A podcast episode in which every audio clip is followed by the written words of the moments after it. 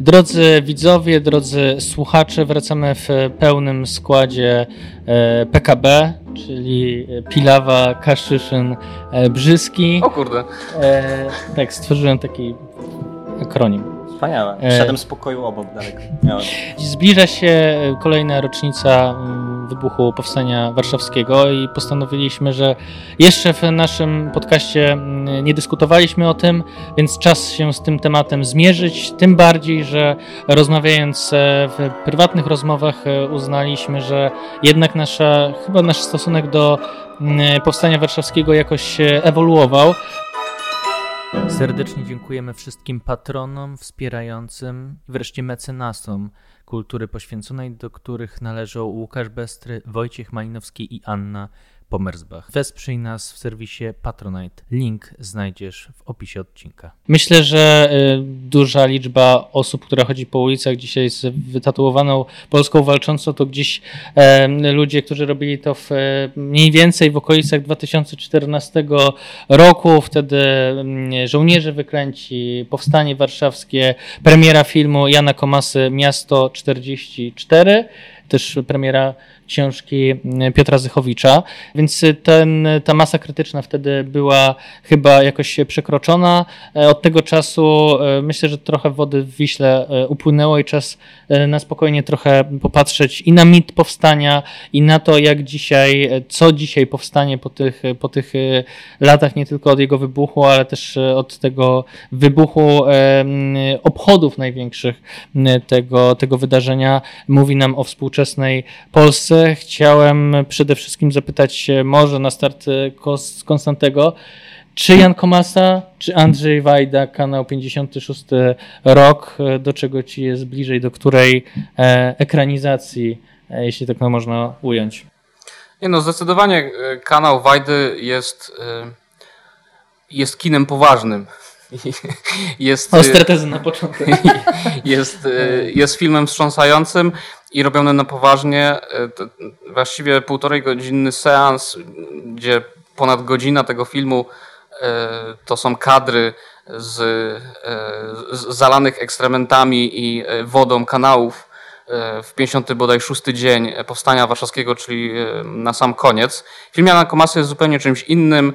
Śmialiśmy się przed nagraniem, że to jednak nie, uch... znaczy śmialiśmy się, trochę się wkurzaliśmy i śmialiśmy jednocześnie, podchodząc do tego filmu ironicznie, bo, bo trochę nie uchodzi rozmawiać o tych sprawach na tle Lany Del Rey i, i, takiego cukierkowego klimatu młodości, która szybko się skończyła. Myślę, że wydźwięk tego filmu E, jest no, nieprzekonujący, przynajmniej dla mnie nie był przekonujący.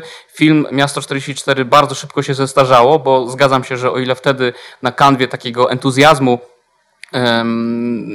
tego czasu upamiętnienia pierwszych lat e, powstania warszawskiego z taką dużą pompą, to wtedy jeszcze mogło to uchodzić. Pamiętam, że byłem wtedy na seansie tego filmu w kinie i nie byłem zawiedziony, Później e, pamiętam, że bodaj HBO czy Kanal Plus kupili e, prawo, kupiły prawo do, do tego filmu i, i na małym ekranie wyglądało to fatalnie. Żenowałem się przez cały, przez cały e, seans. Natomiast Wajda to jest, to jest bardzo poważne kino egzystencjalne, które, które raczej bazuje na takiej emocji, po co to wszystko było. Tak?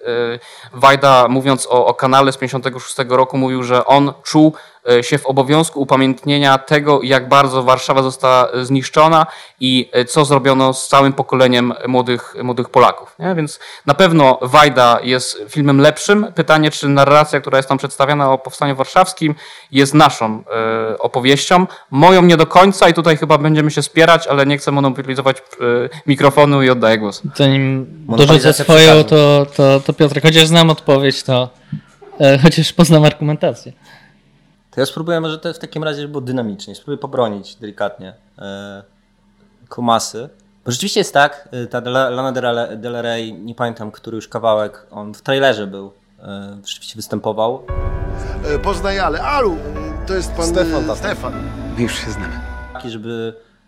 Ja tak odczytywałem ten film, kiedy go oglądałem te kilka lat temu, żeby zestawić na pewnej kontrze i na pewnej radykalności te początkową y, pewną naiwność, ale też entuzjazm tych młodych ludzi, żeby pokazać ich y, pokazać ich młodość. Nieprzypadkowo jakby cały pomysł fabularny opiera się na e, czymś w rodzaju trójkąta miłosnego głównych bohaterów. I jeszcze dodatkowo tam jest kwestia różnic klasowych między dwoma bohaterkami, które walczą o, o, o uwagę, o miłość głównego bohatera. Widać, że nie przypominałem sobie prawda, imion. E, natomiast jest tak, że no właśnie, mieliśmy ten początek, to była, była młodość, była miłość, był e, no seks też, jakby co pamiętam, że wtedy wz- wzburzało bardzo mocno, że jak, to takie sceny, prawda, tutaj golizna, e, a tutaj jest powstanie warszawskie, ale później to bardzo szybko ewoluowało w stronę takiej, pamiętam jak ja pisałem też krytyczny tekst, recenzję tego filmu u nas na portalu, to zwracałem uwagę, że on jest bardzo, wiecie, taki biologiczny, w sensie Komasa chciał bardzo mocno pokazać tyle zniszczenie Warszawy, tak jak ty mówiłeś o Wajdzie, co chciał pokazać e, raczej brutalność e, działań wojennych. I to, z czym się wiązała śmierć w powstaniu. I z czym wiązała się jakby sama walka, że no, to nie było po prostu bieganie sobie e, z pistoletem między barykadami, ale to po prostu były, były rozrywane kończyny, tak, latające kończyny, rozrywane ciała, to była krew, e, to właśnie była brutalność i, i, i to była śmierć. I na tym poziomie, po pierwsze, wydaje mi się, że to jest mimo wszystko ciekawe zestawienie, w tym sensie, żeby pokazać, wiecie, młodość, entuzjazm początkowych dni powstania, a później jakby od razu jesteśmy wrzucani, prawda, na, do maszynki do zabijania, mówiąc, e, mówiąc metaforycznie. I to w ogóle, ten, ten, ten element brutalizmu, choć on był taki bardzo naturalistyczny, to to jest coś, co w ogóle łączy Komasę według mnie z Wajdą, bo Wajda też się skupił na tym elemencie no negatywnym, tak to jakby określmy, e, powstania. Też, też jakby pokazywał tą śmierć, pokazywał cierpienie, może w nie tak jakby efektowny, e, kwilibrystyczny nieraz sposób, jak to było u Komasy. Można zaryzykować stwierdzenie pornograficzny sposób, pornograficzna No. przemoc niejako. W dużej mierze tak, no jak Komasa poleciał, poleciał, poleciał bardzo mocno, ale to jest faktycznie jakiś taki element, który miał wskazać jakąś płaszczyznę wspólną, przejścia między tymi dwoma, e, jak to określiłeś, ekranizacjami Powstania Warszawskiego, rozbawiło mnie to, e, to, to na to bym wskazał. Okej, to y, ja tylko jeszcze może dopytam was, bo mam wrażenie, że mm, prawica w Polsce też miała taką dużą potrzebę czy nadzieję, że uda nam się stworzyć jakiś film o polskiej historii, który będzie no taki hollywoodzki. Czyli będziemy w stanie stworzyć obraz tego, że e, prawda, no może Daniel Craig czy tam Tom Hanks nie zagra, ale że to będzie na takim poziomie, że wreszcie będziemy potrafili o polskiej historii opowiedzieć komuś z zachodu i nie będzie takiego właśnie e, albo cringe'u, albo nie będzie to takie inteligenckie, takie wajdowskie, takie e, kino z wysokim C, tylko ono będzie no jakoś przemawiać do widza trochę uwarunkowanego, no, przygotowanego do nieco innej, innej wizji. Więc pytanie, czy w ogóle film Komasy jest adresowany do Polaków, czy on nie był robiony Hmm. jako towar eksportowy bardziej? Tak, ja- to, to, to jest bardzo dobra intuicja. Wydaje mi się, że takie było nastawienie, żeby sprzedać tę historię polską w sposób uniwersalny. Natomiast y, nie, nieprzypadkowo y, tutaj y, jest, y, spoczywa dziennik Gombrowicza, bo, bo wydaje mi się, że już u samego pomysłu tkwił problem. Jest taki fantastyczny fragment w dzienniku Gombrowicza, gdzie Witold Gombrowicz stara się mówić o tym, jak robić literaturę uniwersalną, jak y, tworzyć sztukę, która mówi i przemawia do y, wszystkich ludzi na tej ziemi. Tak? I, I jest bardzo fajne, że ona nie może abstrahować od lokalności. Chopin wtedy był najbardziej uniwersalny, kiedy był najbardziej lokalny.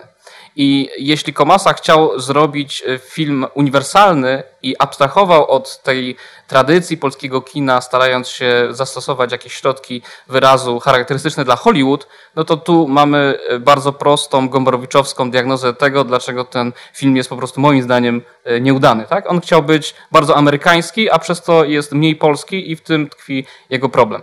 Jeśli chodzi o, o Komasę i zacząłeś od chronologii, to, to jest bardzo fajne postawienie tej, y, tego, jak powstanie warszawskie było pokazywane i jest pokazywane w przestrzeni publicznej. Dla mnie ta dekada y, już y, dochodzącego do PiSu do władzy, 2015 rok, nie? to jest taka, taka granica gdzie, gdzie rzeczywiście było jakieś, jakieś apogeum tej popularności. Dla mnie lata jednak wcześniejsze są bardziej istotne I e, tutaj jest ważny dla mnie tekst e, Dariusza Gawina, e, który został opublikowany w którymś, bodaj po raz pierwszy, w którymś roczniku teologii politycznej. Chyba 2005 rok, jeśli dobrze tak, pamiętam. Tak, bardzo krótko po, po, po oddaniu Muzeum Powstania Warszawskiego, które jest otwarte od 2004 roku, ale tak jeśli chodzi o moją osobistą jakąś relację do Powstania Warszawskiego, to bardziej fundamentalnym doświadczeniem estetycznym jest trzecia rzecz, która spoczywa na naszym, na naszym stole, czyli, e, czyli powstaniem warszawskie, płyta, e, znakomita płyta zespołu e, Laocze. I chciałem się podzielić taką krótką refleksją. Jest 2008 rok. Laocze spięty, czyli wokalista Laocze są zaproszeni na Woodstock. To jest Ke, Ke, Kostrzyn nad Odrą, bardzo blisko do granicy niemieckiej. I oni śpiewają tam kilka piosenek z tej płyty, łącznie z barykadą, łącznie z tymi y, tekstami, że siedzieliśmy na, tam na okrak y, nad Szwabami i tak dalej. To taki bardzo antyniemiecki, antyniemiecki przekaz. Miasto, stare miasto, już nie możemy ciebie strzec. Szwaba brać by trzeba po mordzie, a poparzone witki dwie. Czy tu się głowy ścina?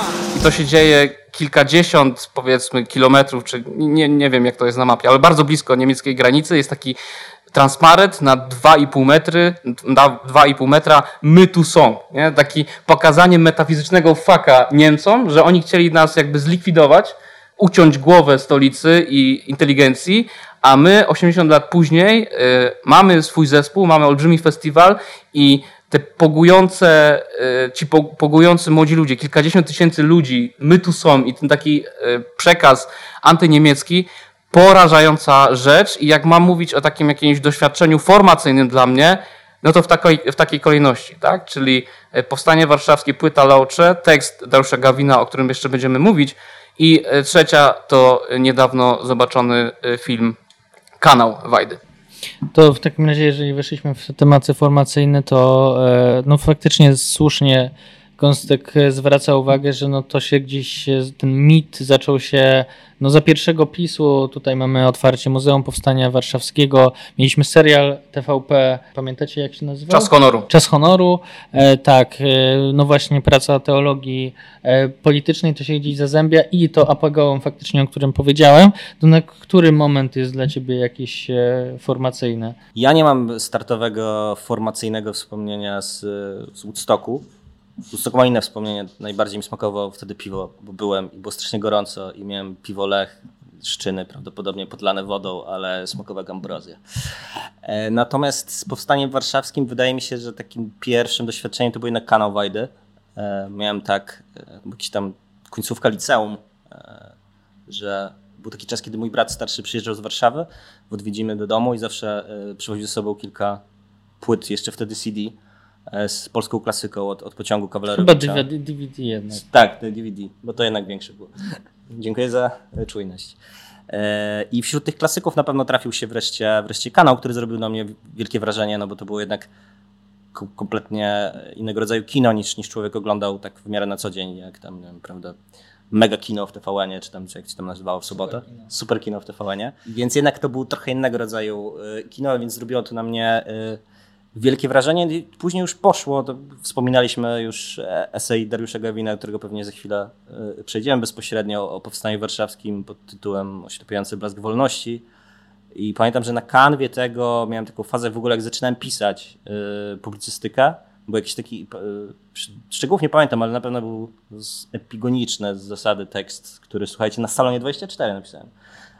Ja nie wiedziałem, że był taki, że był taki Tak, etap. było, było, okay. było, było, było, było, pod imieniem, nazwiskiem bardzo.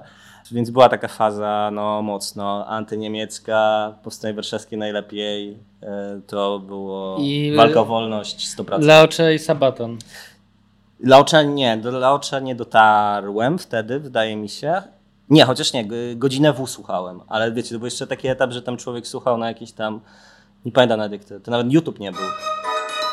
Jak już w miarę mamy ten e, emocjonalną, kulturowy, mapę. emocjonalną i kulturową mapę mamy e, wydzierganą, to chciałem zapytać, e, no bo toczy się jednak spór i jest wiele osób, które próbuje, może niewiele, ale są osoby, które próbowały jakoś jakieś syntezy robić, to znaczy zderzać jak swego czasu Krzysztof Mazur w swoim tekście o Małym Powstańcu mm, zderza z jednej strony Piotra Zychowicza i, i, i, i Muzeum Powstania, to znaczy w sensie nie pamiętam drugą, drugiej figury w tej chwili, uciekła mi. W każdym razie no... To był Rymkiewicz. A, tak, Rymkiewicz i, Rymkiewicz i, i Zychowicz, więc spór toczył się o to, czym jest powstanie, jakie ma znaczenie dla e, polskiej historii, dla polskiej tożsamości, czy w tragedii powstania e, jest e, gdzieś tam zdeponowana tożsamość po prostu tego, czym jesteśmy, jacy jesteśmy jako, jako wspólnota. Chciałem przeczytać z tego wspaniałego eseju jakbyśmy go nie oceniali, e, Dariusza Gawina, to jest e, faktycznie, pierwotnie ukazał się w teologii politycznej, ale wydawnictwo OMP w tym zbiorze Blaski, Gorycz Wolności e, zawarło ten, ten esej Warszawa 44 oślepiający blask wolności i tutaj jest e, przywołany fragment Dariusza Gwina. E, wskazówką może być tutaj głos samej walczącej Warszawy. 1 września w przemówieniu radiowym nadanym ze stolicy delegat rządu RP na kraj Jan Stanisław Jankowski zawarł myśl, w której odnajdujemy przyczynę jego klęski politycznej i źródło jego wspaniałej legendy. Cytat. Chcieliśmy być wolni i wolność sobie zawdzięczać. E, tego samego dnia generał Tadeusz Burkomorowski również powstańczy audycji powiedział: Walcząc wszędzie nie mogliśmy być bierni na własnej ziemi. Rozstrzygający bój o Warszawę nie mógł być stoczony tylko obcymi siłami. Naród, który chce żyć w wolności, nie może być bierny w momentach, w których decydują się jego losy. W drugim fragmencie Dariusz Gawin zderza Andrzeja Bobkowskiego. Szkice piórkiem przywoływaliśmy tutaj i Andrzej Bobkowski wtedy w Paryżu, wchodzący Amerykanie z drugiej strony i ten wiwatujący tłum e, Paryża, z drugiej strony niszczona w powstaniu e, Warszawa. E, jak wy odczytujecie, czy Dariusz Gawin tutaj mapując to, tą tragedię powstania i to, że czuliśmy jako wspólnota, że jesteśmy niejako zmuszeni do tego, aby, aby to powstanie e, wywołać. Ma rację, czy się myli? To jest wieczna e, dyskusja, ale tekst Gawina można e, różnie interpretować. Mm, tam wydaje mi się, że kluczowa jest jeden fragment, który trochę podprowadza i odpowiada na to pytanie, które zadałeś. Ten to esej zna... w połowie ma ważne fragmenty bez tego pokreślone, więc. Okej. Okay. Tam jest taka, taka fraza, że realistami politycznymi mogą być tylko ci, którzy znają porażkę z podręczników do historii.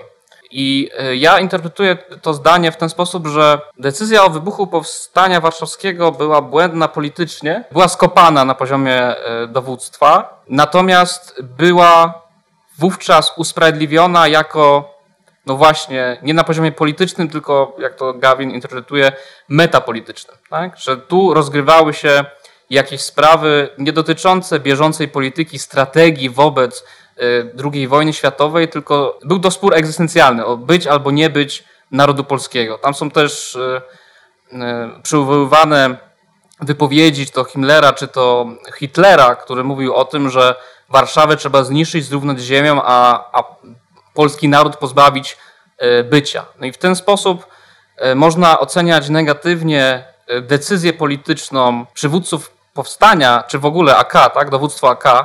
Natomiast nie można wyrzucać dziecka z kąpielą, mówiąc o tym, że nie była to walka egzystencjalna. Nie? Bo wygodnie się dzisiaj mówi, że to było błędne politycznie i trzeba było, i właśnie co trzeba było? Trzeba było przestać walczyć, E, nie walczyć, co trzeba było zrobić. Wydaje mi się, że, że ta podstawowa intuicja, że to nie była zwykła e, wojna i nie była zwykła rzeczywistość, powoduje, że z dzisiejszej perspektywy bardzo łatwo oceniać tą, tą całą historię.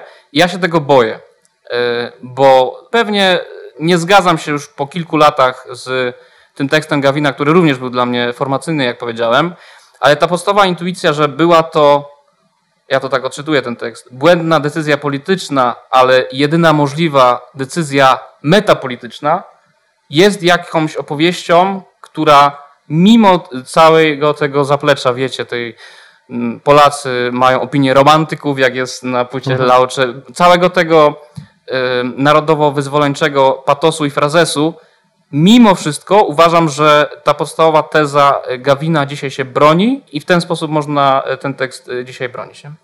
No, nieprzypadkowo Dariusz Gawin nazywa to mm, powstanie warszawskim najważniejszym wydarzeniem dwudziestowiecznej Polski. Myślę, że to jest spójne. E, Piotrek, czy chcesz polemizować z Dariuszem Gawinem i z Konstantym Pilawą, który wyciąga chyba najważniejszą tezę z tego tekstu? Dwa na jeden. Czuję się dwa na jeden. A przecież najpierw muszę powiedzieć, bo ty powiedziałeś wyrzucić dziecko z kąpielą. To wyobrażałem sobie Wylać, tak? dziecko w wanience, tą panienkę. Przemocowiec. Przepraszam, chciałem. Nie zgadzam się. Y, po pierwsze, nie zgadzam się też z Tobą, y, z Tobą Gawinem, w sensie, że Powstanie Warszawskie było najważniejszym wydarzeniem w historii dwudziestowiecznej Polski. E, wydaje mi się, że spokojnie kilka innych dałoby się wskazać e, równie ważne. Bo ty jesteś z tego długiego trwania. Ja jestem z długiego trwania. Mhm. W ogóle jak przeczytałem ten tekst, to może najpierw tak delikatnie marginesowo, zdałem sobie sprawę, jak on jest zarąbiście warszawocentryczny.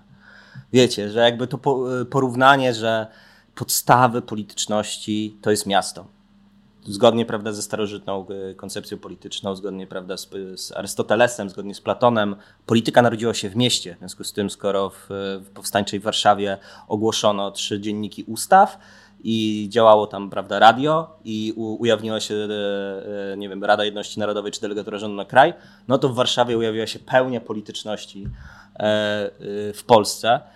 Strasznie to mnie irytowało, bo jakby trwały walki, Armia Krajowa walczyła w całej Polsce, nie tylko zresztą Armia Krajowa, choćby bataliony chłopskie, od wielu lat, a on jakby wszystko symbolicznie skumulował w tych kilku miesiącach, tak jakby wcześniej nie dało się znaleźć na przestrzeni całego kraju innych przykładów, innych przestrzeni i płaszczyzn, gdzie ta polityczność y, pozapaństwowa Polaków, w tym sensie, że jakby odebrana nam została niepodległość, się realizowała w praktyce i to bardzo mocno. E, więc jakby już tutaj na tym poziomie miałem problem. Szukasz Timothy'ego Snydera. Tak, już, już, to na przyszłość. Już, tak, wyciągam. E, to nie jest reżyserowany odcinek, jak coś. E, więc tutaj, tutaj już miałem problem. Natomiast jakby ja główny problem mimo wszystko miałem, z, już przechodząc do polemiki z, z, z, tą tezą o tej metapolitycznej konieczności.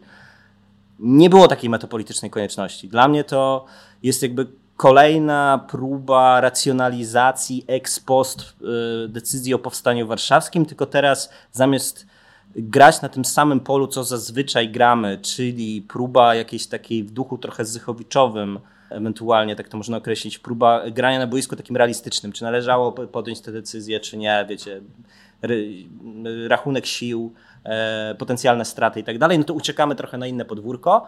No ale to jest jakiś taki rodzaj, ja miałem poczucie, czytając ten esej, że to jest jakiś taki, wiecie, quasi determinizm etyczny, quasi determinizm metapolityczny, na zasadzie skoro jakby istotą e, esse, prawda, polskiej myśli politycznej jest wolność, to my de facto nie mieliśmy innej możliwości, jak stanąć do powstania, bo inaczej byśmy zdradzili tę wolność.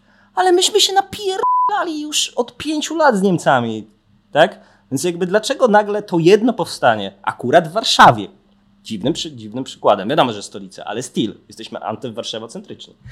Dlaczego akurat to ma być, to sprawdzam. Dlaczego akurat ta decyzja miała być, yy, nagle miała być tym momentem weryfikującym nasze przywiązanie do wolności, kiedy myśmy jakby dawali, yy, wiecie, świadectwo, jakby walcząc już od dobrych kilku lat yy, z Niemcami na, jakby na każdej płaszczyźnie, w każdy możliwy sposób, zarówno w kraju, jak i za granicą, czy na Monte Cassino, czy pod Tobrukiem. Czy idąc, jak wiecie, na każdym możliwym froncie byli ci Polacy, których się wysyłało, jak już żaden nienormalny żołnierz nie chciał iść, to wysyłano Polaków, albo zginie, albo zdobędzie, prawdopodobnie jedno i drugie, jak to Polak. Nawet Więc z tym też miałem problem. Nawet no. z niedźwiedziem. To prawda. E... Mogę Trud... wejść? Może, dobrze. Będziemy się e... Wiesz co, no, Grecy w wielu momentach walczyli z Persami, ale termopile były jedne, nie? W sensie, że to, co Gawin tam... Czyli poruszamy się na płaszczyźnie mitologii politycznej. Sam to przyznałeś. Te, tak, no, ale to, jest mit, to się, tu się zgadzam. Jest, jest to, to mit polityczny mhm. i powstaje jak każdy mit polityczny na e, granicy między tym, co racjonalne, a tym, co emocjonalne. Nie? I wydaje mi się, że nie, to, to nie jest e, czysta konstrukcja. To znaczy, Dariusz Gawin nie usiadł i, po, i powiedział: Ja teraz napiszę taki mit, żeby Polacy w to wierzyli. Nie Polacy potrzebowali takiego mitu. I jakby to jest i Rymkiewicz, który mówi, że to jest metafizyczny chrzest Polski, tak? I to jest i Gawin mówiący o tym, że tam objawiła się natura Polaka miłującego wolność między dwoma totalitaryzmami, które były totalnym zaprzeczeniem tej istoty polskości jako, jako takiej. I to jest i w Laucze, która jest taką płytą, Powstanie Warszawskie jest płytą bardzo mityczną, to znaczy to nie jest kanał Wajdy. Nie? nie, nie. To jest Gawin, to jest muzyczny Gawin. Tak. Dokładnie. Pytanie, jak my do tego podchodzimy i czy my mamy legitymizację, żeby dekonstruować ten mit, nie? Czy my nie potrzebujemy tego mitu? Wydaje mi się, że no... Jak Kurczę, to ja, przepraszam, to muszę wejść. Ja czasami jestem już, y, jako prawicowiec, zmęczony, bo, my bo mam wrażenie, że my regularnie, ze względu na to, że właśnie mamy, bo ja się zgadzam z diagnozą, która jest u Gawina, że leżymy między dwoma imperializmami od 300 lat. Dodatkowo problem polega na tym, że w ramach kalku czystej kalkulacji y, sił jesteśmy od nich słabsi, więc jesteśmy masakrowani, niszczeni regularnie od 300 lat, więc w tym momencie mamy problem, no bo tak naprawdę na płaszczyźnie politycznej zawsze będziemy do tyłu. Więc cały czas jesteśmy zmuszeni przez okoliczności do uciekania na płaszczyznę metapolityczną i co jakiś czas musimy sobie tworzyć te mity, bo często to jest jedyne, co mamy.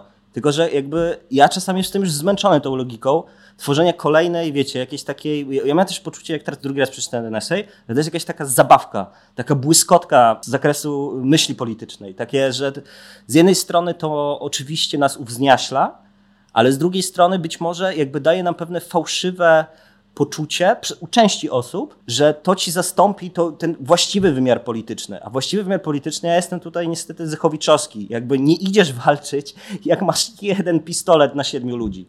Nie? W sensie to, jakby to się nie kalkuluje. Czuję się, jestem też pomiędzy e, wami, trochę się czuję jakbym był tą Polską między, między dwoma imperializmami, że mamy pewne, pewnego rodzaju konflikt tragiczny.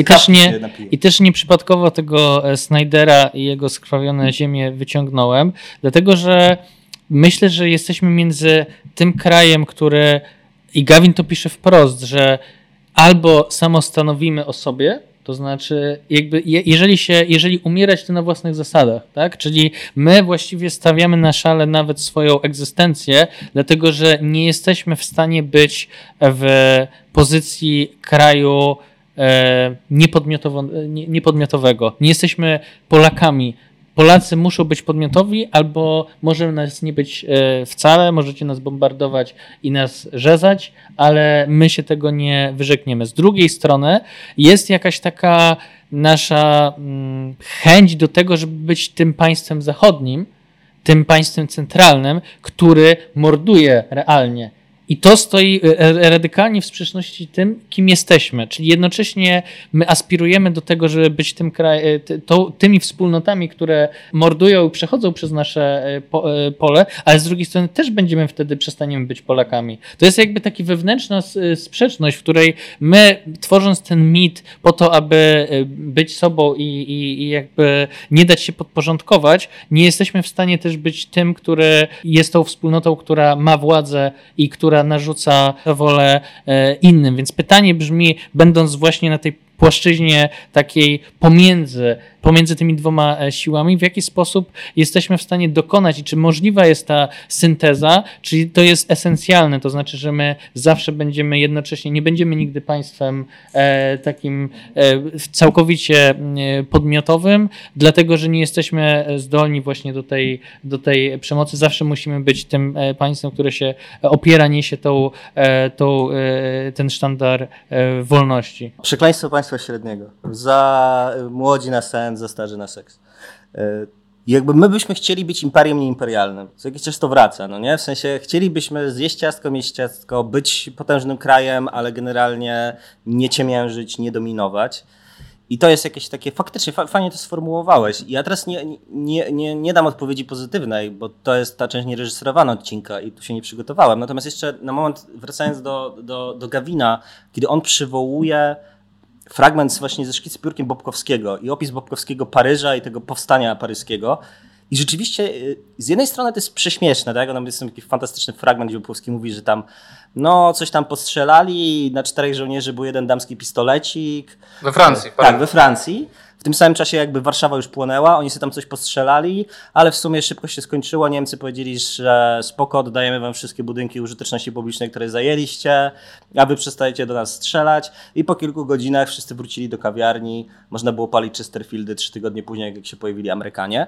I można oczywiście, i to jest jakby kla- klasyczna reakcja Polaka, mam wrażenie jest taka, a to ci Francuzi, p***czki, postrzelali, a tutaj prawdziwi my, z karabinami na pełnej i jakby jest to naturalna reakcja, ale teraz jak czytałem drugi raz Tennessee, miałem takie pod kątem normalności i nienormalności. Kurde, a może właśnie na tym to polega ta różnica w tych dwóch przestrzeniach jakby historycznych, gdzie my jesteśmy i gdzie są Francuzi, że Niemcy nawet im nie przyszło na myśl, że można zniszczyć Paryż, ale przyszło im na myśl, żeby zniszczyć Warszawę. Ale być może nie dlatego, jak Gawin to przedstawia, bo Niemcy się przestraszyli wielkiego żywiołu wolności, że Polacy są jak e, w wojnie peloponeskiej, że teraz tu się odbywa największe starcie e, metapolityczne i metafizyczne, tylko odwrotnie, w ramach właśnie logiki Snydera, tylko akurat nie tej książki, ale skrwawionych ziem.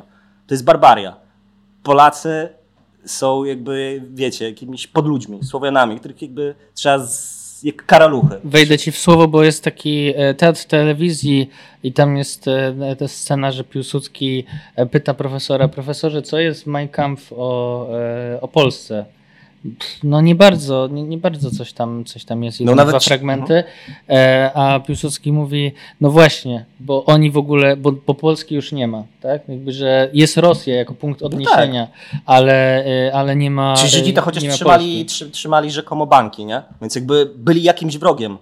A Polacy, moim zdaniem, jakby ostatnia rzecz, już oddaję, jestem nabity, oddaję głos Kostkowi, że z tej perspektywy powstanie, powstanie warszawskiemu bliżej jest, mówiąc brutalnie, do rzezi wołyńskiej. To znaczy to, że z jednej strony mamy po prostu pełną eksterminację podludzi Polaków, nie wiem, na woli, którzy byli paleni miotaczami ognia, jeśli dobrze pamiętam, po prostu, żeby wszystko zjechać do zera. To jest jakby logika, wiecie, jakiejś takiej demonicznej archaiczności, trochę jak właśnie w, w zbrodni wołyńskiej, gdzie, nie wiem, palono Polaków w, w kościołach, no nie? To jest logika skrwawionych ziem, gdzie po prostu jest jakaś barbaria, którą po prostu trzeba wyczyścić, ale która ma status jakiś taki, no właśnie podludzki, nie mówiąc brzydki, brzydkich słów. I że to nie jest tak, że Niemcy jakby nas właśnie gloryfikowali, bo że jesteśmy poważnymi wrogami, tylko odwrotnie. Jakby jesteśmy, właśnie przez to, że jesteśmy niepoważni, to można nas zmasakrować do zera. Prowokuje. Tak, ale prowokujesz, bo po prostu nie ma tego w tekście Gawina. W sensie Gawin nie mówi, że Polacy byli ważni dla, dla Niemców. No właśnie dlatego, że byli nieważni, wpadli na pomysł, żeby e, unicestwić to, co nieistotne. Nigdzie nie wpadli na to, żeby zrównać z ziemią stolicę. No nie, przepraszam, muszę wejść kraju, słowo. No, on wielokrotnie powtarza, że właśnie, odwołując się do Babkowskiego, Rosjanie i Niemcy cały czas niszczą to samo. Co to jest to samo?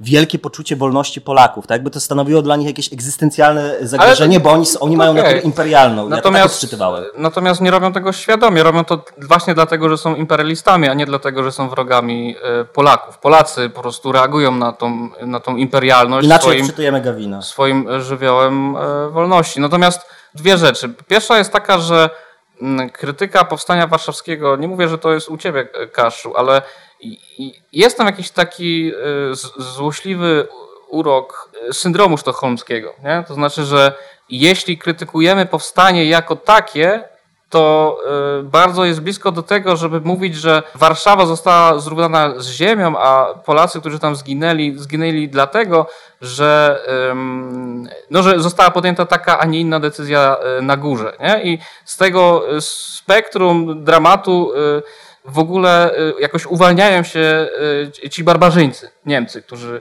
którzy dokonywali tych, tych zbrodni. To, to jest zagrożenie takie psychologiczne. Nie? Jeśli chcemy demitologizować ten, ten mit, który jednak nazywa zło złem. E, I, i tego, tego bym się obawiał. Ja nie chcę tego mitu dekonstruować, bo ja się zgadzam, że prawica ma, ma problem i cały czas tworzy, tworzy mity zamiast tworzyć rzeczywistość, czego przez 8 lat już jesteśmy e, świadkami, smutnymi świadkami tej historii.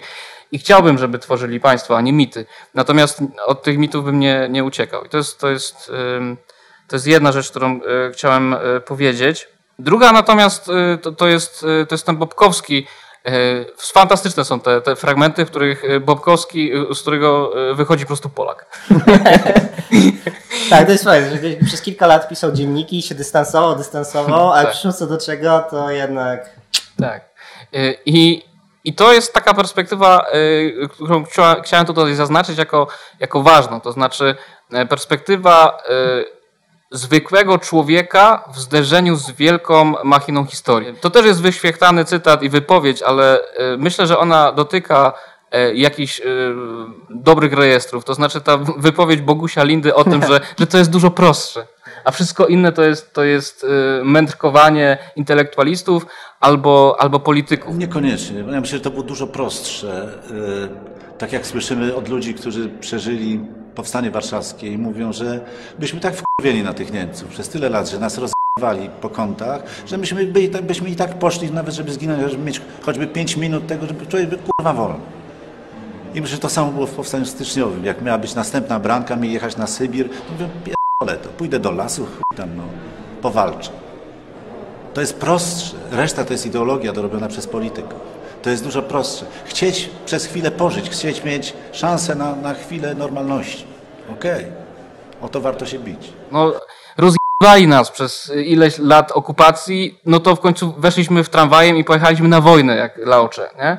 To jest dla mnie taka perspektywa, która nadal zachowuje swoją wartość, niezależnie od tego, jak oceniamy decyzję o wybuchu tego, tego powstania. I tego doświadczenia, wczucie się w to doświadczenie jest ważne w ogóle dla, myślę, że dla No tożsamości. tak, ale to y, y, pytanie brzmi, dlaczego Polacy mają taki odruch bezwarunkowy, jak y, y, nie chcę obrażać. Orzeł Pawłowa. Tak. Y, A inne nacje powiedzmy mają takie. Mamy, właśnie, mamy to długie trwanie, będziemy się spotykać na tajnych kompletach, tutaj ten, coś Ale to tam. działało, Nie, no. nie, nie okej, to, okej, ale nie? chodzi mi o to, że jakby nie pojawia się ten, jakby Francuzi nie idą gremialnie do lasów i jakby nie uznają, że choćby nie wiem co, musimy tego Niemca A zastrzelić. jak robią konspirację, to wygląda to tak mniej więcej jak w tym serialu Alo, Alo. E, że w ogóle nie, ma, nie, nie mają tego mindsetu, a dla nas to jest, e, Boguś Linda to mówi i my to kupujemy, że Polacy tacy, e, tacy są, e, ale to nie jest tak, że to jest uniwersalne e, doświadczenie i to jest chyba pytanie też, bo je- jeżeli, zgadzam się, że jeżeli tworzymy mit, to później z, tym, z tego mitu musimy coś zrobić i ja chciałem to zoperacjonalizować, O! chyba, że e, Nie, bo ja już ja bo chciałem. jesteś w blokach. jestem, jestem w bloku. To odpal się, a ja Dobrze. wrócę, dlaczego chcę to operacjonalizować. Bo ja chciałem się odpalić, że ta wypowiedź oczywiście ona jest, właśnie to super pokazuje i super jakby współgra właśnie z, z esejem Gawina. Czyli znowu jakby wiecie, mamy pewną namiętność, która jest czysta, jest uzasadniona, więc my to robimy i idziemy. Tylko jednocześnie ta wypowiedź Bogusia Lindy moim zdaniem świetnie pokazuje, że zasadniczo to było odruch etyczny, ale antypolityczny. No bo jeżeli politycznie jakby mamy budować coś trwałego i mamy jeden, jeden pistolet na siedmiu, bo nie udało się sprowadzić zapasu broni z Campinosu, z tego co pamiętam, to nie idziemy się bić. To jednak odruch polityczny jest taki, że dajcie sobie spokój. I ja tutaj jak o tym myślałem, to miałem skojarzenie z powstaniem w getcie. W tym sensie, że jakby oczywiście my teraz budujemy i słusznie pewną paralelę między tymi dwoma powstaniami, mówiąc o, nie wiem, Warszawie dwóch powstań, czyli tej tekście chyba inicjatywie Dawida Wilcztajna e, sprzed dobrych już kilku lat, ale jak sobie o tym pomyślałem, to miałem takie poczucie jednak, że to zestawienie mimo wszystko jest dosyć zgubne, w tym sensie, że znowu, ja mówię to z perspektywy człowieka, który mówi, żeby, że z perspektywy politycznej nie należało podejmować decyzji o wybuchu powstania, że jednak Żydzi w getcie już nie mieli wyjścia. W sensie, że tam naprawdę to był gest obrony godności ludzkiej, wyboru po prostu śmierci, bo oni jakby naprawdę byli już totalnie pod ścianą. Natomiast my, mając zorganizowaną e, armię podziemną, mając zorganizowane e, prawda, struktury polityczne, my byliśmy na innym levelu. A zagraliśmy tak, jakbyśmy byli z całym szacunkiem Żydami w getcie. Tak jakbyśmy mieli jedyną perspektywę taką, nie no, damy się najwyżej zastrzelić, ale damy świadectwo. A ja mam takie poczucie, mordo, to jeszcze nie był ten etap. No to chciałem to, wrócę teraz, jak chcę to zoperacjonalizować, to znaczy mamy weberowski podział na etykę odpowiedzialności i etykę przekonań. Jedna mówi o tym, że liczy się skuteczność, a druga mówi, że liczy się no właśnie przekonanie o słuszności. No i z całej polskiej historii, ale też dzisiaj, jeżeli przychodzi, wy- wybucha wojna e, na Ukrainie, my od razu wszystkie, wszystko jakby wreszcie możemy tutaj te czołgi wysłać, to wszystko. Niemcy zero. Niemcy czekają, nie? I to jest ten moment, kiedy to się... A nie spodziewałem się kiedy to, kiedy, kiedy to, kiedy to się e, ujawnia. Niemcy i my jesteśmy jak to? Co za źli ludzie. Co za znowu to samo. Ale e, jakby z perspektywy e, historii to się, uja- ujawniają się jakby te, te, jakby te z- wspólnotowe e, automatyzmy, to znaczy czy my patrzymy na to, co jest najbardziej korzystne. I mo- nie, ma, nie ma sprawy, możemy sobie ubrudzić ręce, możemy być tymi złymi, ale jesteśmy skuteczni. I to w polityce się, tak, dostajemy 27 do 1 w Bru- Brukseli i Beata Szydło dostaje kwiaty, daliśmy e, dowód tego, że tutaj im bardziej nas gnoją, tym my jesteśmy bardziej zadowoleni. Stary, czy znaczy- su- forsujesz tezę Polski przygrywu, przygrywa narodów? E, e, nie, ja chcę, po, ja, chcę po, ja chcę powiedzieć, że e, są konsekwencje pewnych mitów. Mitów tego, że jeżeli jesteśmy ofiarami, im bardziej jesteśmy ofiarą, tym bardziej czujemy, że jesteśmy Polakami. Im, my, Im bardziej stawiamy na ten cynizm, skuteczność kosztem innych, no bo ta, taka jest polityka, tak? No, zasoby są ograniczone, e, im bardziej, jakby, ale twoja władza się po, powiększa, tym bardziej czujemy, że zdradzamy naszą polskość. I to jest jakiś e, konflikt e, tragiczny, którego dzisiaj widzimy e, przejawy. I, ta, i ten, ta, ta, ta Rosja, to jak się zachowujemy właśnie względem. Ja mam e, poczucie, że gdybyśmy, gdyby, żeby te, gdyby ta rakieta była uzbrojona i spadła na Polskę, to my byśmy się czuli jeszcze bardziej Polakami. Oto wreszcie spadła bomba, e, Rosjanie, to jakby cały czas czujemy, patrzcie, patrzcie na nas. To jest taki pasjonizm nasz, nie? E, I e, piszę, op, opisuję to i to jest takie deskryptywne, ale dla mnie jakoś tam cały czas jakby rezonujące, to znaczy, czy ja chcę być takim Polakiem, to, czy ja chcę sobie te ręce e, ubrudzić i zdradzić niejako Polską, albo jakoś ją zmieniać. To, to ja wchodzę. E, Bardzo proszę. Dusza. Mam, Dusza ma, mam tu kilka przemyśleń. E, Pierwsze jest takie, że podział na etykę przekonań i etykę konsekwencji Maxa Webera, pochodzący z eseju Polityka jako zawód i powołanie, Zostało napisane przez Niemcy. zostało napisane przez, przez Niemca. E, To jest pierwsza moja teza. E, Nie, nie, trzeba, tłumaczyć. nie trzeba tego wyjaśnić. It's over dla koncepcji. E, Nie, bo ona jest po prostu antykatolicka. Katolicka etyka jest zarówno etyką przekonań, jak i odpowiedzialności. Mówienie, redukowanie polityczności tylko do odpowiadania za skutki jest e, redukcją, e, która właśnie sprowadza politykę tylko i wyłącznie do skuteczności. I, i to jest taka krytyka, e, nie moja zresztą, ale, ale często się po głowie tej koncepcji za to właśnie dostaje. Ale to, przepraszam, ale makiawelizm rozumiany jest roz, najczęściej zrozumiany właśnie w tym paradygmacie, nie? No tak, i dlatego... Machiavelli za- zaczął skuteczności. złe w teorii politycznej. Okej, no. okej, okej. Moim zdaniem... Ale to nie jest e, tylko Niemiec Max Weber. Bo, nie, bo jest taka, że to jest realizm polityczny, to znaczy, że, że, to jest, że to jest prawdziwe, że to dobrze odzwierciedla naturę polityki i polityczności. Otóż nie, bo to jest redukcja do jednego wymiaru. Nie, nie można być czystym realistą politycznym, bo potem się jest ruskim szpiegiem e, geopolitycznym. Pum, pum, pum. I to jedna rzecz. Druga rzecz. y, Oczywiście jest tak, że Polacy dalej są y, szwoleżerami spod Somosierry. W sensie, że jest ta przepaść i cały czas Ale ładnie powiedziałeś to na cały czas jakby pędzimy, pędzimy w dół. Jest bodziec, jest reakcja, Polak się włącza, jakby czy to jest Szabla w dłoń. y, 2022, 1944, czy nie wiem, 1683, to jakby jest ten, ten, sam, ten sam motyw. Nie?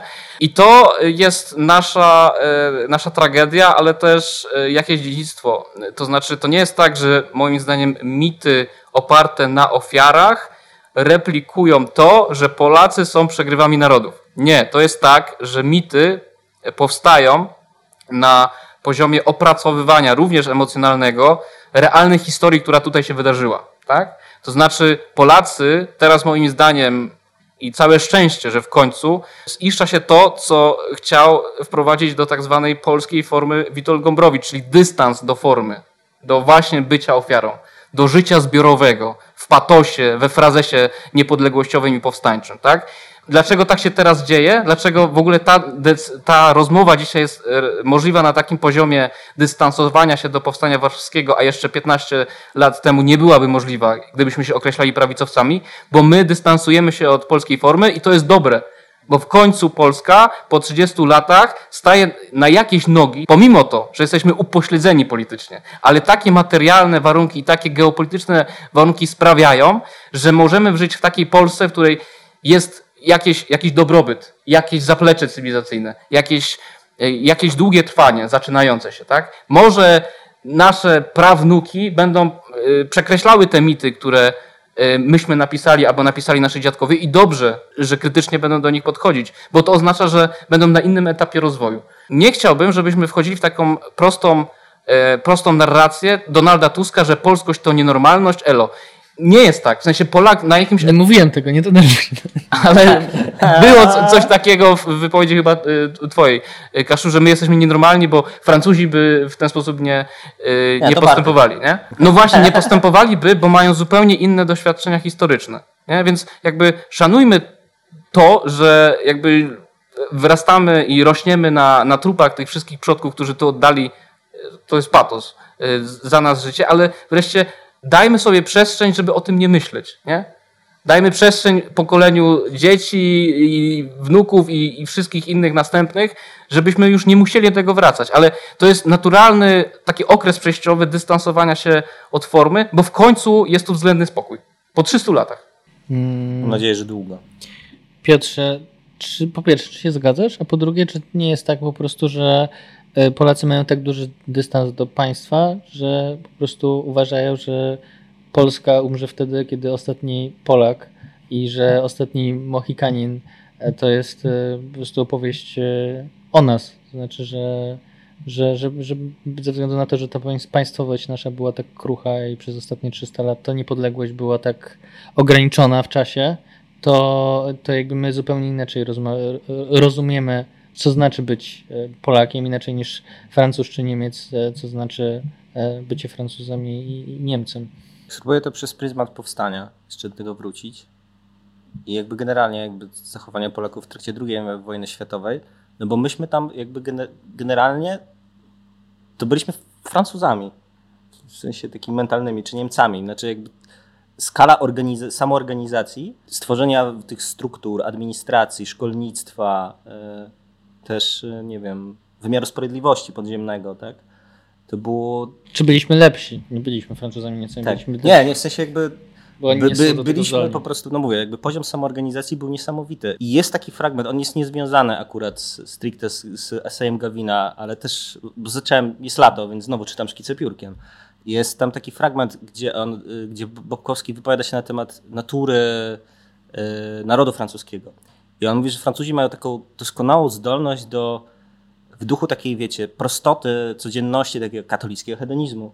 E, on ładnie używa takiego pojęcia materializacja ducha. I pod tym kątem się jakby przygotowywałem do odcinka, to mi to przyszło do głowy, że fajnie by było, gdybyśmy my jako Polacy, też bardzo często to wynika po prostu z okoliczności historycznych, a nie tylko z naszej natury i niechęci do instytucji i do państwa, tylko że jeżeli przez 300 lat ciągle nam rozpierdzielają, bo jesteśmy pokojem przechodnim Europy, to się nie dziwię, że tak jak ty powiedziałeś w swojej wypowiedzi, Polacy jakby naturalnie zaczynają identyfikować polskość z trwaniem Polaków, a nie z trwaniem instytucji, no bo jak te instytucje nam ciągle rwą, no to jest naturalne, że się jakby trochę mental przesuwasz, nie?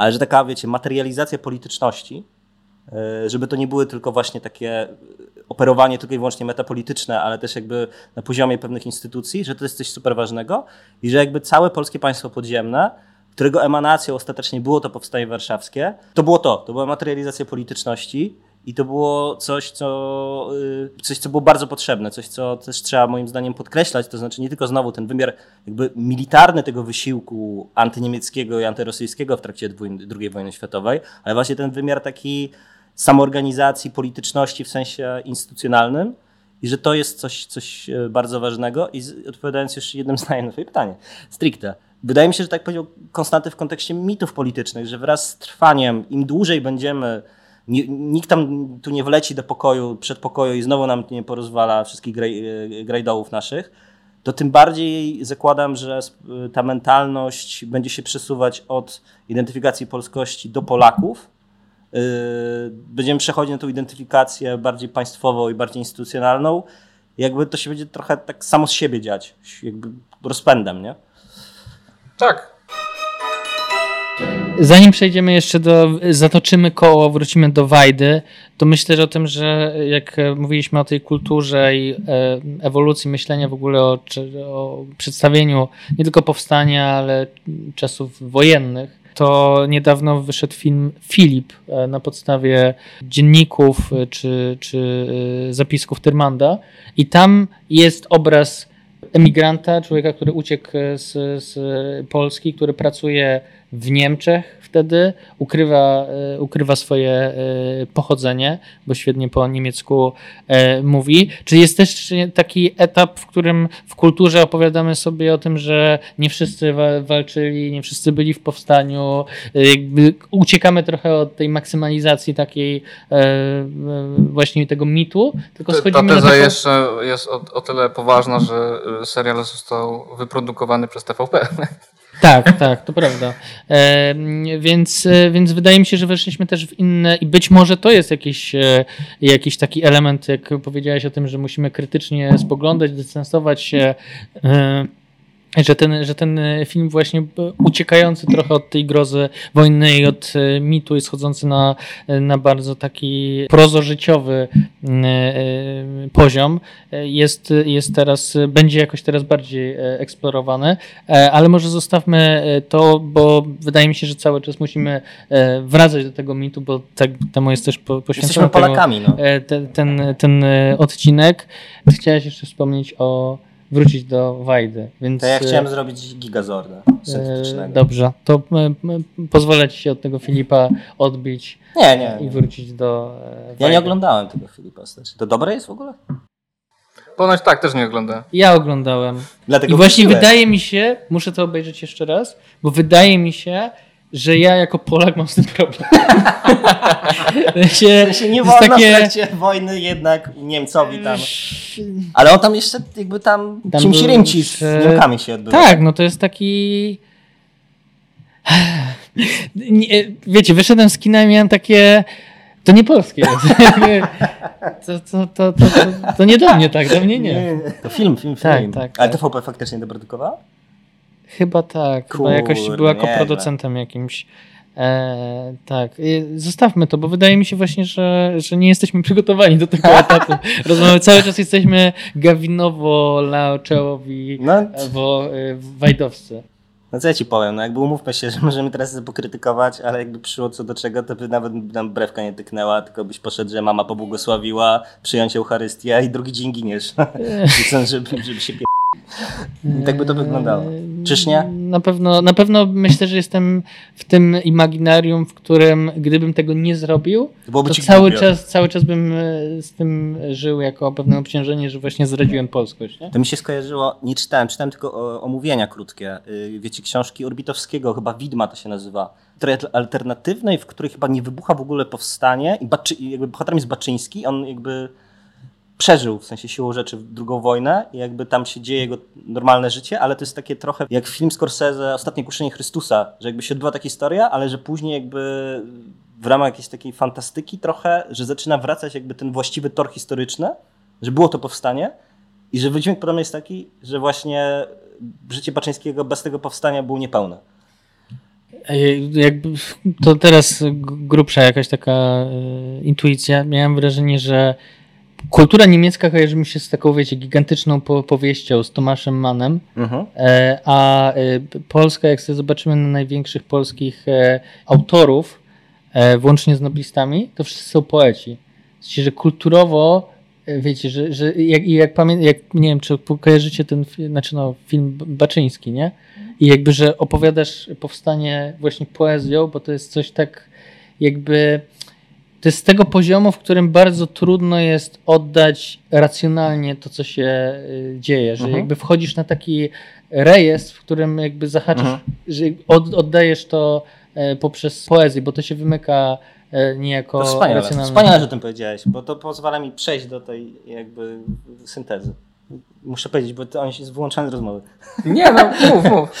tak jak Gawin zaczął, że powinniśmy się, tak zaczął się ten jego esej, że powinniśmy się skupić na tych pierwszych dniach, bo one właśnie są tym oślepiającym, tytułowym oślepiającym blaskiem wolności, to szukając pewnej syntezy, jak to my, to jednak wydaje mi się, że trzeba to zrównoważyć i super do tego się nadaje kanał Wajdy, Bo on zamiast olśniewającego blasku wolności, on nas wrzuca w tą taką dziwną właśnie poetycką, poetyczną ciemność tych kanałów. Tylko z tego odświeżałeś, Bartek, ty nie wiem, czy odświeżałeś. Dla mnie najważniejsze w całym tym filmie tak naprawdę w sumie jest jedna postać. E, On tam głównie występuje pod hasłem artysta. To jest chyba, ma, ma na imię Michał. Ale to jest jakby ewidentnie moim zdaniem nawiązanie do, wiecie, jakby romantyzmu trochę. To jest jakby postać jak wyjęta z, z, z wesela Wyspiańskiego trochę.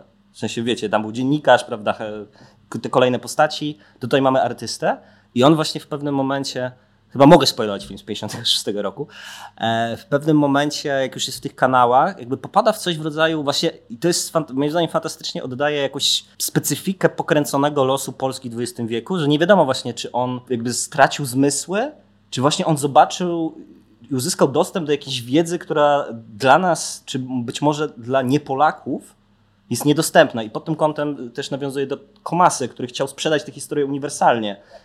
Trochę mu chwała za to, ale, być ale mi zdecydowanie bliżej jest do takiej właśnie hermetycznej, apofatycznej wizji Wajdy, że być może ten los powstańczy i ten los wojenny polski, los jakoś dwudziestowieczny jest do pewnego stopnia nieopowiadalny na zewnątrz. Że jakby skończymy jak ten artysta, który w pewnym momencie wziął jakąś taką piszczałkę, zaczął wygrywać jakąś taką dziwną melodię, quasi, nie wiem, religijną, quasi magiczną i po prostu poszedł w te ciemności kanałów. Jakby stracił jakby kontakt z bazą, mówiąc kolokwialnie, ale właśnie to jest, to było jakieś takie opowiadanie poetyckie. tak Jakby Wajda po prostu przeszedł z takiego realizmu e, tych kanałów, realizmu tych ekskrementów na taki poziom no właśnie opowieści, które już się wymyka tej takiej prostej rzeczywistości. Nieprzypadkowo wydaje mi się też, nie tylko jest kwestia artysty, do tych odwołań w pewnym momencie się pojawia Dante i zejście do piekieł dantowskich. Tak? Wajda próbuje to osadzać Właśnie paradoksalnie on, on to osadza uniwersalnie, osadzając to choćby przez przywołanie Dantego. I że pojawia się właśnie takie przekonanie, że żeby oddać prawdę i cierpienie powstania, to trzeba sięgnąć po język właśnie taki bardziej poetycki, nawet niż po język jakiegoś takiego realizmu. Więc to by się zgadzało z tym, co ty mówiłeś. Wszystko połączyłem. A Doskonale. Konstanty coś szuka, coś, coś tutaj... Tro, trochę teraz sobie zdałem sprawę też, że zdeprecjonowałem Raymonta i Tokarczuk, więc na blisko, ale... Nie no, to, to kap... Dobra. Nie, to, to, nie wiem, czy, bo to była y, dobra klamra, żeby to podsumować, więc nie wiem, czy chcę rozwijać nowy wątek, najwyżej wytniemy, ale no, y, ten artysta, który gra na tej piszczałce, jak powiedziałeś, ja to odczytywałem przez pryzmat oczywiście polskiego romantyzmu, ale też y, przez pryzmat mitologii greckiej. On był trochę jak y, Orfeusz, który Tak, gra schodzi, schodzi, schodzi do Hadesu. ale gra dlatego, że stracił swoją eurydykę, bo on tam traci żonę i, dziecko, nie? Więc to taki tragizm pokazywania, że wówczas ludzie walczący w powstaniu często byli jak Orfeusz, ale bez eurydyki, czyli bez, walczyli bez sensu, tak? Bez, bez poświęcali się dla czegoś, co, y, co już przestało istnieć. Trochę tak to, y, tak to odczytywałem. Więc rzeczywiście y, można oglądać film Wajdy i, i chyba nie zgodziłbym się z tego, że to jest takie hermetyczne, nieprzekazywalne, no bo pójście do Dantego, pójście do mitologii greckiej i ten kanał, który mógłby być y, chyba trochę odpolszczony. We- Ciekawe w ogóle, jak y, ludzie z zagranicy patrzą na, na ten film, nie? Bo, bo wydaje mi się, że, że można y, odczytywać to w kategoriach bardziej uniwersalnych, ale właśnie dlatego, i tu o to jest może klam- klamra, właśnie dlatego y, jak z Gombrowicza, nie? W sensie, że kanał Wajdy są jak mazurki y, Chopina, tak lokalne, że aż uniwersalne. Nie? I, I wydaje mi się, że, że Wajda od tej strony był jednak twórcą przede wszystkim uniwersalnym i ta polskość nie przeszkadza, pomaga w tej uniwersalności. Pięknie to zakończył. Podoba mi się. E, jedno zdanie jeszcze mi się przypomniało, że gdybym miał komuś opowiedzieć, o czym jest kanał Wajdy, to bym powiedział, że jest o zajściu do narodowego Szeolu. Miałem takie poczucie, że ci bohaterowie schodząc do tych kanałów, jakby, wiecie, znikali dla świata i przechodzili właśnie przez coś, jakiś otchłań, jakiś Hades, który ostatecznie, i to było mega smutne, nie dawał im finalnie odkupienia. Tak? Bo jakby każdy z tych e, jakby bohaterów na końcu trafiał albo w ręce niemieckie i zaraz miał być rozstrzelany, albo jak y, moja ulubiona para bohaterów, czyli Stokrotka i Kora, po prostu dotarli do zamkniętych y, kratą? No i, Tam była nie, Wisła. jest jeden bohater, który wyszedł w, w dobrym miejscu, e, porucznik Zadra, tak. e, który e, najpierw, arcypolakiem. najpierw zabił swojego e, towarzysza broni, bo on wciskał mu kit, że cały oddział idzie za nim, a później wiedząc, że oddział ginie w kanałach, po prostu wrócił tam na dół. I tak Nie, się film kończy. nie? fenomenalne, tak jak klamra y, y, w ramach naszej logiki, to nawet nie postchrześcijańskiej, tylko chrześcijańskiej, no to, to jest postać Chrystusowa, wiecie, to jest tak jakby, ja tego odczytywałem, że po prostu wrócił za zagubionymi owieczkami, nie? jakby mógł sobie po prostu pójść dalej, a on jakby w ogóle nawet mu nie tyk na brewkę. I Nie, nie ma kontynuacji. Nie, nie ma kontynuacji, jakby Cięcie i koniec koniec filmu. filmu, jakby potężny Andrzej Wajda. Co ja mogę powiedzieć? Fenomenalny film. Zakończyliśmy już trzema ładnymi klamrami. Weź jeszcze jakąś klamerkę dorzuć. czwartą. Nie, nie, myślę, że trzeba postawić e, y, kropkę. Wiesz, zaczęliśmy od w bojowych nastrojach, a wyszło jak zwykle tak jednak patetycznie. Tak, każdy z nas jest Polakiem i zawsze e, kończymy walczymy w tym samym miejscu. Walczymy z, z tą polską e, formą, ale wychodzi zawsze to samo. Tacy jesteśmy. Dziękujemy Wam bardzo, że byliście z nami i że wytrwaliście. Prosimy, liczymy na Was, że dołączycie do grona patronów. Będziemy informować na Discordzie między innymi o tym, gdzie się będziemy widzieć, gdzie się będziemy słyszeć. No i przede wszystkim będziecie dostawać też cotygodniowy nasz newsletter, żebyście śledzili, co tam warto oglądać, czytać i słuchać. Dzięki wielkie i do zobaczenia za tydzień.